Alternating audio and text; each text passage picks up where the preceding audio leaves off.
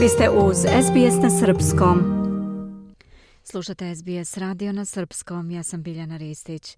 Većem broju ljudi iz Australije je od 11. jula omogućen pristup lekovima protiv COVID-19, pošto je tokom zime registrovan porast u prenošenju virusa u zajednici.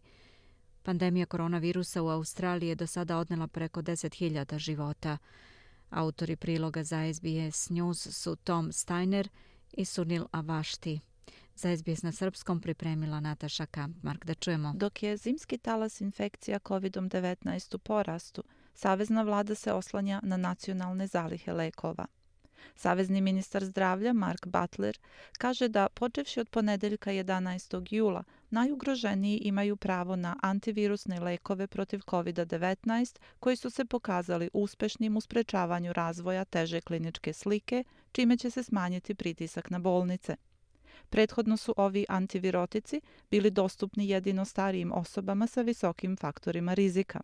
Sada će svi stariji od 70 godina moći da dobiju ove lekove, kao i svi stariji od 50 godina koji imaju dva ili više faktora rizika, kao što je postojanje nekih pridruženih bolesti. Ova pravila se odnose i na aboriđine i ostrvljene iz Toresovog Moreuza starije od 30 godina. Ukoliko žele da dođu do lekova, ljude treba da se obrate izabranom lekaru. Lekovi nisu besplatni, ali su na listi subvencionisanih lekova, tako da građani plaćaju samo participaciju. Gotovo 4000 ljudi u Australiji se trenutno nalazi u bolnici zbog COVID-19. Situaciju otežava i pojava zaraznijih podvarijanti virusa, veći broj ponovnih zaražavanja, kao i širenje virusa gripa uobičajeno za ovo doba godine. Chris Moy iz Australijskog medicinskog udruženja kaže da je situacija zabrinjavajuća. I haven't heard uh, state health authorities more worried than they have been coming into this new wave. Nikad ranije nisam čuo državne zdravstvene organe da su ovoliko zabrinuti kao što su sada zbog ovog novog talasa. Stepen zabrinutosti je ogroman. Zbog preopterećenosti sistema u našim bolnicama, pacijente sa COVID-om, ali i bez COVID-a, ne dobijaju blagovremenu negu. Služba hitne pomoći u Viktoriji proglasila je takozvani crveni kod tokom vikenda zbog velike potražnje. Zbog toga su neki radnici ponovo vraćeni u smenu, a pacijenti velikom brzinom iznošeni iz ambulantnih kola. Lindsay McKay je izvršni direktor za operativne komunikacije u hitnoj pomoći Viktorija. Ona kaže da će stvari biti teške još neko vreme.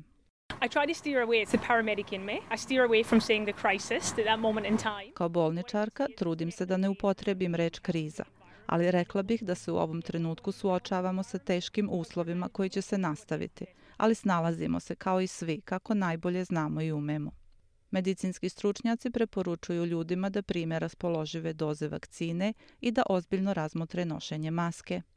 Svi koji imaju preko 30 godina sada mogu primiti četvrtu dozu vakcine protiv COVID-19.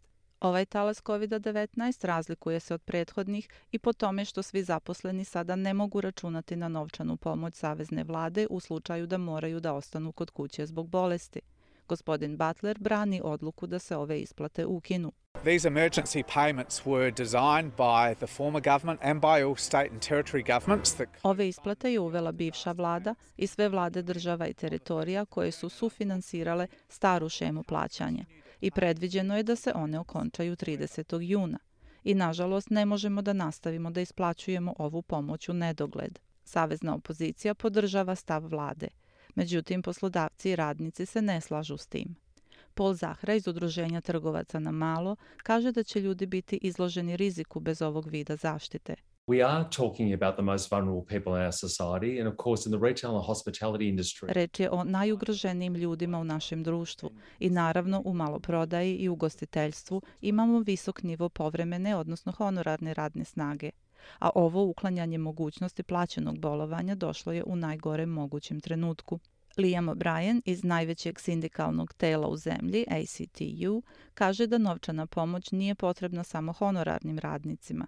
On je zabrinut da će Australijanci koji moraju da budu u izolaciji kod kuće ostati bez adekvatne finansijske podrške. Everybody has either had COVID already been impacted by this massive wave of influenza and other Znate, svi su već ili imali covid ili ih je pogodio ovaj ogromni talas gripa i drugih bolesti, tako da su već iskoristili bolovanje. i zato je toliko važno da se ponovo uvede ova osnovna ekonomska podrška koju pruža Savezna vlada, jer nas ona sve čuva. Nataša Kampmark pripremila je prilog koji smo čuli, a čiji autori su Tom Steiner i Sunila Vašti za SBS News. Ja sam Biljana Ristić, slušajte program na srpskom. Želite da čujete još priča poput ove? Slušajte nas na Apple Podcast, Google Podcast, Spotify ili odakle god slušate podcast.